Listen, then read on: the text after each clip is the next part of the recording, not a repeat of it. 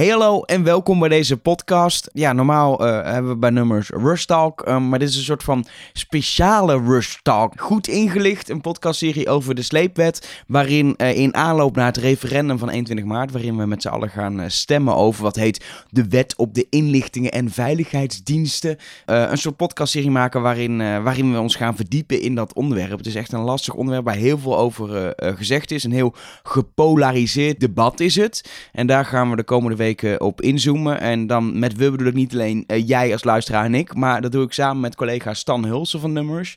Stan, daar zitten we dan met z'n tweeën. Zo, ja. Ja, eh, het is een hele zwart-wit discussie, zoals je eigenlijk al zegt. Voorstanders van de nieuwe aftapwet die zeggen deze wet moet komen, want die maakt Nederland veiliger. En tegenstanders zeggen deze wet moet er niet komen, want onze privacy staat heel erg op het spel. En we hadden allebei zoiets van, ja, dit is heel erg een discussie waar we niet echt mee verder komen. Want ja, je kan allebei wel heel hard iets gaan roepen, maar ja, uiteindelijk uh, schiet je er eigenlijk niks mee op. Dus wij willen eigenlijk van die twee kampen naar het midden toe, naar het grijze gebied. En meer gaan kijken van waar gaat deze discussie nou eigenlijk over? Wat staat er op het spel en waar gaan we eigenlijk over stemmen? Ja, de afgelopen weken zijn we lekker heel Nederland doorgereisd om allerlei experts te spreken op gebied van onder andere terrorisme, maar ook uh, juridische definitie van deze wet. En interessant ook, we zijn langs geweest bij daadwerkelijk technische experts die weten hoe je überhaupt een, uh, een sleepnet kan uitrollen als je dat zou uh, willen doen. Um, en de komende drie afleveringen komen die allemaal aan het woord en proberen we echt ja, die wet eigenlijk een beetje uit te kleden, een beetje af te pellen. Um, niet om een conclusie te trekken over wij zijn voor of tegen, maar veel meer om je context te geven om, uh, om straks een beslissing te kunnen maken als, uh, als Nederlands democratisch burger op 21 maart uh, te kunnen gaan stemmen over, over het referendum. Een, een referendum met een ja, eigenlijk vrij brede vraag, want er wordt letterlijk gevraagd of je voor of tegen die hele wet bent. En dan hebben we het dus over, ik weet het zo niet uit mijn hoofd, maar volgens mij bijna 200 wetsartikelen die daarin uh, genoemd staan. Ja, het is heel lastig om daar ja of nee op te antwoorden. Op de vraag, ben je voor of tegen de nieuwe wet op de inlichting en veiligheidsdiensten? Ja, en dat kwam ik ook meteen tegen. Ik ben uh, naar Nijmegen geweest, aan de Radboud Universiteit. Daar werkte uh, docent en jurist Sven Brinkhoff. Hij is echt in die wet gedoken, heeft ook een hele lezing over gegeven. En hij, hij zei eigenlijk meteen, toen ik hem ook vroeg van, ben je nou zelf voor of tegen die wet? Toen zei hij, ja, ik ben in principe wel voor, maar er zitten gewoon een paar kleine artikeltjes in... waar hij toch wel zijn bedenkingen bij heeft. Ben heel erg achtergekomen ook in de verdieping van deze wet. Dat ik wil dat er nog een keer naar gekeken wordt. Ik ben dus niet tegen sleepnetten, maar ik ben wel voor democratische controle en die nog versterken. Maar wat zijn nou eigenlijk de belangrijkste bevoegdheden, de belangrijkste veranderingen die in die nieuwe wet staan. Dus als je kijkt, de AIVD mocht eigenlijk al, en mag al heel veel. Hè. Hacken mogen ze al observeren, van allerlei andere dingen, telefoontap. Wat er nu echt nieuw bij komt, is de sleepnetbevoegdheid. En daar gaat ook de grote discussie over. En sleepnet is dus op grote schaal allerlei soort communicatie naar binnen trekken en dan gefaseerd uh, selecteren en, en beluisteren, bekijken. Kun je me uitleggen wat de tekst die in die wet staat over dat sleepnet, wat dat betekent? Voorbeeld kan zijn, er is een, een, vermoeden dat in een bepaald gebied dat daar iets aan de hand is. Maar de AIVD weet op dat moment nog niet precies wie erbij betrokken zijn. Nou, dan maakt deze sleepnetbevoegdheid het mogelijk om alle communicatie, hoe die dan ook gaat, binnen zo'n gebied, om die naar binnen te trekken. Er moet dan wel voorafgaan toestemming van de minister en van een toetsingscommissie zijn. En als ze die data dan hebben, dan mogen ze gaan kijken en selecteren wat vinden wij interessant binnen deze data. En dan een laatste stap is dat ze ook kennis mogen nemen van de echte communicatie. Dus een drie zou je kunnen zeggen. En communicatie wordt naar binnen getrokken als bijvoorbeeld organisaties uh, de democratische rechtsorde bedreigen. En dat is dan het doel waarvoor zo'n sleepnetbevoegdheid zou worden toegepast. Maar er moet natuurlijk altijd wel een concreet idee zijn dat er ergens iets aan de gang is. Ja, en wat Sven Brinkhoff zegt is wel belangrijk. Want dat is altijd een beetje vaag of zo'n IVD met zo'n sleepnet opeens nu ons allemaal mag afluisteren. Dat is dus niet zo. Er moet echt wel een goede reden zijn dat mensen echt, zoals dat dan formeel zeggen, de democratische rechtsorde in gevaar brengen.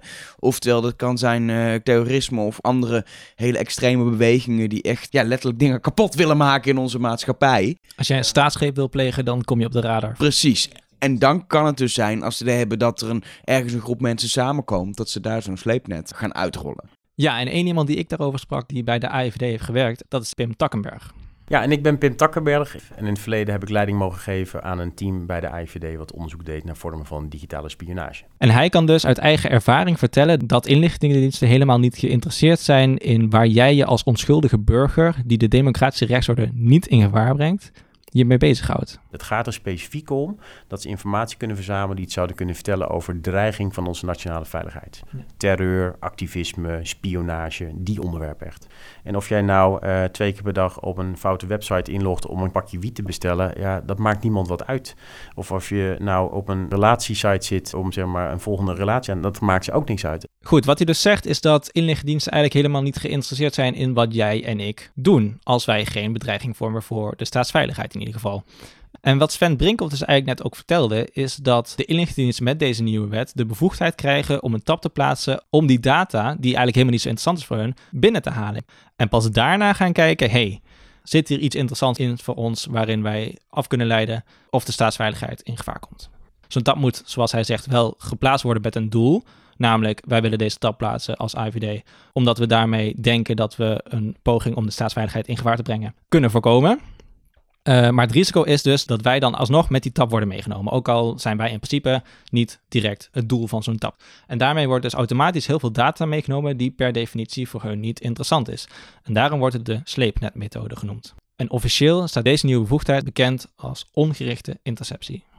Nou, het is niet een nieuwe bevoegdheid, maar het is alleen een aanvullende bevoegdheid. De bevoegdheid bestaat in de wet uit 2002 al degelijk voor ongerichte interceptie op gebied van satellietcommunicatie. Eigenlijk alle communicatie door de lucht heen gaat. Alleen vandaag de dag gaat uh, het allergrootste gedeelte van het internetverkeer gewoon over kabels. En die uh, verkeersstromen mochten nog niet getapt worden door diensten. En deze wet biedt de mogelijkheid om die informatie te kunnen verzamelen. Uh, en dat heet dan ongericht, omdat dat niet specifiek op een persoon of een bepaalde doelgroep is, maar dat die iets ruimer is geformuleerd. Oké, dus even samengevat. De inlichting en veiligheidsdiensten in Nederland... die mochten al de communicatie via een satelliet ongericht aftappen. Dus eigenlijk daar een sleepnet op uitgooien. Maar met de nieuwe wet mogen ze dat ook voor al het verkeer via de kabel. En dat is hoe het meeste van ons onderlinge verkeer, onze onderlinge communicatie als de normale burgers verloopt. De gerichte interceptie, dus, dus echt iemand afluisteren of hacken, dat mocht al op allerlei soorten media. Dus zowel satellietcommunicatie als ook al over de kabel. Ja, gerichte interceptie heeft te maken met het feit dat uh, nou, je hebt een idee dat iemand betrokken zou kunnen zijn bij voorbereiding van een aanslag. Of dat iemand een rol heeft bij het plegen van een vorm van spionage. Uh, dan kun je proberen om bijvoorbeeld het huisadres te gaan tappen. Hè? Niet uh, qua telefoon, maar ook qua internetverkeer. Nou, die mogelijkheid bestaat al lang. En daar kunnen inlichtingendiensten ook prima mee uit de voeten. En dan is die ook gericht, omdat die concreet toe te wijden is aan een situatie of een zaak. Uh, en ongerichte interceptie gaat veel meer over van nou, je hebt een idee dat in een bepaalde omgeving wellicht een aantal mensen een aanslag voorbereiden. Uh, die fysiek bijvoorbeeld in een wijk ergens in een, in een stad zitten. Dat is een voorbeeld. Of het zou bijvoorbeeld ook kunnen gaan over van oké, je hebt het idee dat de Russische overheid een aanval pleegt ergens op het bedrijfsleven in Nederland. Je weet niet precies waar, maar het is wel een hele kwalijke aanval. En dan zou je ook dat tijdig willen kunnen onderkennen. Ja, dit is nou wat in mijn ogen die hele wet en vooral het sleepnet dan zo lastig maakt. Kijk, als we het hebben over die gerichte interceptie, dan hebben we het over... Uh, je hebt een vermoeden dat iemand uh, bijvoorbeeld bezig is met het voorbereiden van een aanslag... of, of dat hij dat iets doet tegen die staatsveiligheid, waar we het dan heel het over hebben. Um, en dan ga je gewoon diegene ga je, ga je afluisteren of je gaat zijn computer hacken of zoiets. Heel gericht om te checken of dat vermoeden of dat klopt. En eventueel kun je daarna zorgen dat er ook actie wordt ondernomen. Als we het hebben over het ongerichte aftappen, dan zijn er veel meer vragen. Je weet eigenlijk nog niet precies naar wie je zoekt. Of je weet niet helemaal naar wat, maar je hebt wel een vermoeden dat er ergens iets gebeurt. En in de discussie daarover, ook in de politiek, komt er altijd makkelijk voorbeeld van ja, uh, mensen die contact hebben met Syrië. Misschien een radicale moskee, dat kun je nog wel voorstellen. Dat je daar dan een sleepnet op uitgooit en gaat kijken, gebeurt daar iets wat, wat echt gevaarlijk is. Maar de bevoegdheden zijn wat dat betreft veel breder in te zetten. En wat ik wel leuk vond, ik ben naar, uh, naar Nijmegen geweest voor een, uh, een lezing van Sven Brinkhoff over die sleepwet. Ik zei het net al. En het interessante vond ik daarbij dat hij een heel ander voorbeeld gaf. Wat misschien wel veel dichter bij huis dan de meeste voorbeelden die we tot nu toe hebben gehoord. En dan is het voorbeeld van Syrië is tamelijk exotisch, want dat is natuurlijk Midden-Oosten en ver van je bedshow. Um, maar de wet maakt het ook mogelijk dat zoiets gebeurt in Nederland dat de AIVD zegt van nou, we hebben het idee bijvoorbeeld dat nu in Groningen zich een soort anti-Hollands sentiment aan het ontwikkelen is. Vormt een gevaar voor de, noem maar een voorbeeld. Nou, stel er ontstaat een of andere radicale anti-Den Haag beweging. Dan zou het zomaar kunnen dat de AIVD eh, een stukje van de stad Groningen, de provincie, alle data daar naar achter gaat trekken om te kijken wat klopt hier nou van. Ja, Pim Takkenberg noemde dat net ook al. De kerngebieden waar de inlichtingen zich mee bezighouden zijn terrorisme, activisme en spionage. Bijvoorbeeld dus in, eh, in Groningen zou dat kunnen gebeuren. Het zou ook in Groningen kunnen gebeuren. En iemand die daar meer over kan vertellen is Constant Heijzen. Hij is namelijk gepromoveerd op de rol die Nederlandse inlichtingendiensten sinds hun oprichting in 1912 in de maatschappij hebben gespeeld. Mijn naam is eh, Constant Heijzen. Ik ben uh, in november 2016 gepromoveerd op een uh, promotieonderzoek naar de Nederlandse inlichtingengeschiedenis. Ik heb specifiek gekeken naar de rol van politieke, ambtelijke, maatschappelijke debatten uh, over inlichting en veiligheidsdiensten en de mate waarin die effect hebben gehad op de veiligheidsdiensten. En ik vroeg me dus ook hoe hij zelf aankijkt naar het referendum over de nieuwe wet op de inlichtingen en veiligheidsdiensten en wat hij gaat stemmen. Daar ben ik nog niet over uit, eerlijk gezegd. En dat vind ik een hele moeilijke vraag. Ja, voor of tegen. Um, ik ben wel voor modernisering van die wet. En um, ik denk dat ik me, voor zover ik dat kan beoordelen, ook goed deels kan vinden in zo de wet zoals die opgesteld is. Er zitten wel elementen in waar je, denk ik, nog eens goed over na zou kunnen denken. Um, maar ja, in zijn geheel zeggen, die, die wet uh, moet je niet uh, van kracht laten gaan. Ofwel, ja, dat vind ik gewoon te ingewikkeld, eerlijk gezegd. Ik vind het best wel veelzeggend dat zo'n expert, die toch wel heel veel hiervan weet, het al zo ingewikkeld vindt om ja, daadwerkelijk een soort afweging te maken hierin. Laat staan dat gewone burgers straks bij die referendumvragen een antwoord moeten geven, ja of nee. Het is, gewoon, het is gewoon een hele lastig referendum. Ja, het is ook hele complexe materie. En wat mij heel erg bij is gebleven met het gesprek met Constant Heijzen, is dat er ook heel makkelijk verwarring kan ontstaan. Want uh, jij noemde net ook heel expliciet dat uh, waar de inlichtingdienst zich mee bezighoudt, zijn vermoedens van zaken die de staatsveiligheid in gevaar brengen. Zoals terrorisme, activisme, dat soort zaken. Um, het gaat dus over vermoedens en niet over En dat betekent eigenlijk dat een inlichtingendienst per definitie onschuldige burgers in de gaten houdt, want ze worden nergens van verdacht. Ja, als ik iets vanuit dat historisch perspectief wel kan zeggen, is dat juist inlichtingen en veiligheidsdiensten, en dan met name veiligheidsdiensten die dus onder de eigen bevolking actief zijn, um, die zijn ooit opgericht juist om op een vrij grote schaal door gegevens van onschuldige burgers te gaan, om daarbinnen te kunnen aanwijzen wacht, maar hier zit een organisatie, ja, die wordt gewoon gesteund door uh, Moskou. Of die en die voorzitter, die reist drie keer per maand gewoon naar Moskou toe en die wordt daar geïnstrueerd over de standpunten die die moet innemen. Tegenwoordig, als er een terroristische aanslag plaatsvindt, we vinden dat zo verschrikkelijk dat we dus toestaan dat in het voorstadium, het is geen politie en justitie die aan opsporing en vervolging doen. En uh, we hebben dus die diensten ooit opgericht om in dat voorstadium actief te zijn. Om zo'n catastrofe als een aanval op het land, een, een staatsgreep, een terroristische aanslag, om die te verhinderen. En hebben dus gezegd van daarmee accepteren we dat ze hun werk doen onder onschuldige burgers. Gaan ze door gegevens van onschuldige burgers heen. Dus dat hele strafrechtelijke denken past hier niet, want het zijn onschuldige burgers. Niemand, ook niet de mensen die onder een telefoontap staan van de AIVD. Dat feit betekent niet dat ze van iets verdacht worden verdenking past bij politie en justitie. Dus iedereen is in wezen onschuldig en blijft dat ook totdat ze aan politie en justitie worden overgedragen.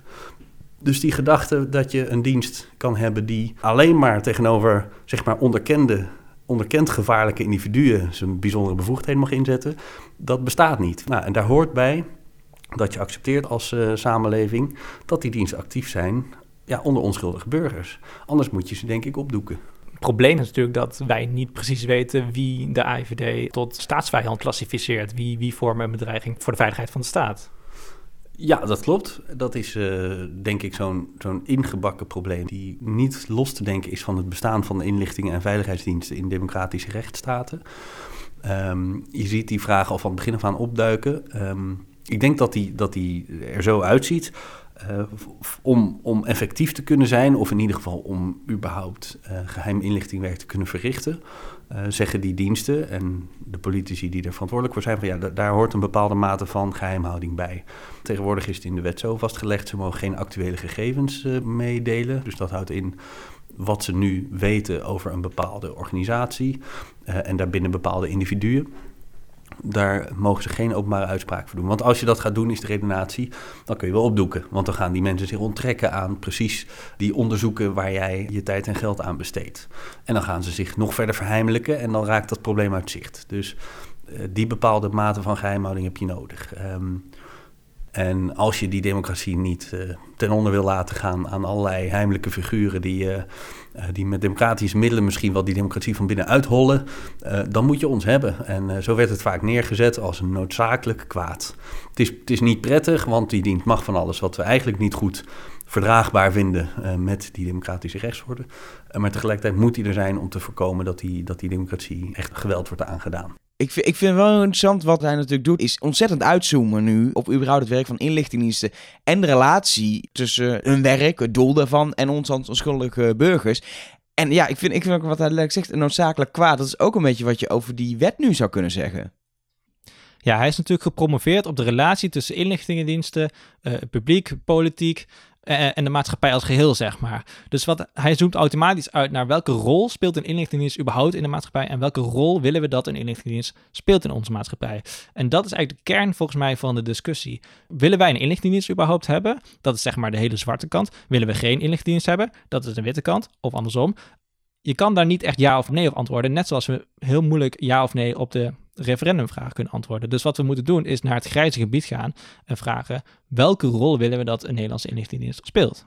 Nou, ik denk dat het goed is dat we volgende week in uh, het tweede deel van deze podcast echt even nog verder gaan inzoomen op überhaupt het werk van de inlichtingendienst en ook de rol die de geheimzinnigheid erin speelt. Want dat is natuurlijk het lastige. We weten eigenlijk niet superveel over wat ze doen met een reden. Want zodra het werk zeg maar bekend is, kunnen ze hun werk niet meer doen. Ja, dat uh, volgende week in deze podcast. Voor nu fijn dat je ons uh, afgeluisterd hebt. Mensen kunnen altijd reageren. Als ze, als ze heel specifiek jou willen bereiken, kan het via Twitter, hè? Ja, Stan Hulsen. Ik ben net Elger. Je kan ook altijd nummers, facebook.com slash nummers, uh, dat soort kanalen. Kun je altijd een reactie achterlaten. Wat we heel fijn zouden vinden is als je deze podcast wilt delen. Eh, we maken hem namelijk echt om iedereen in Nederland die het ook maar enigszins willen horen, eh, te helpen bij de beslissing die straks gemaakt moet worden. We hebben gelukkig ook nog even tot 21 maart, dus, dus doe rustig aan. Maar het is fijn om beter geïnformeerd te zijn volgens mij eh, met de keuze die je uiteindelijk moet maken. Bedankt voor het luisteren en tot volgende week.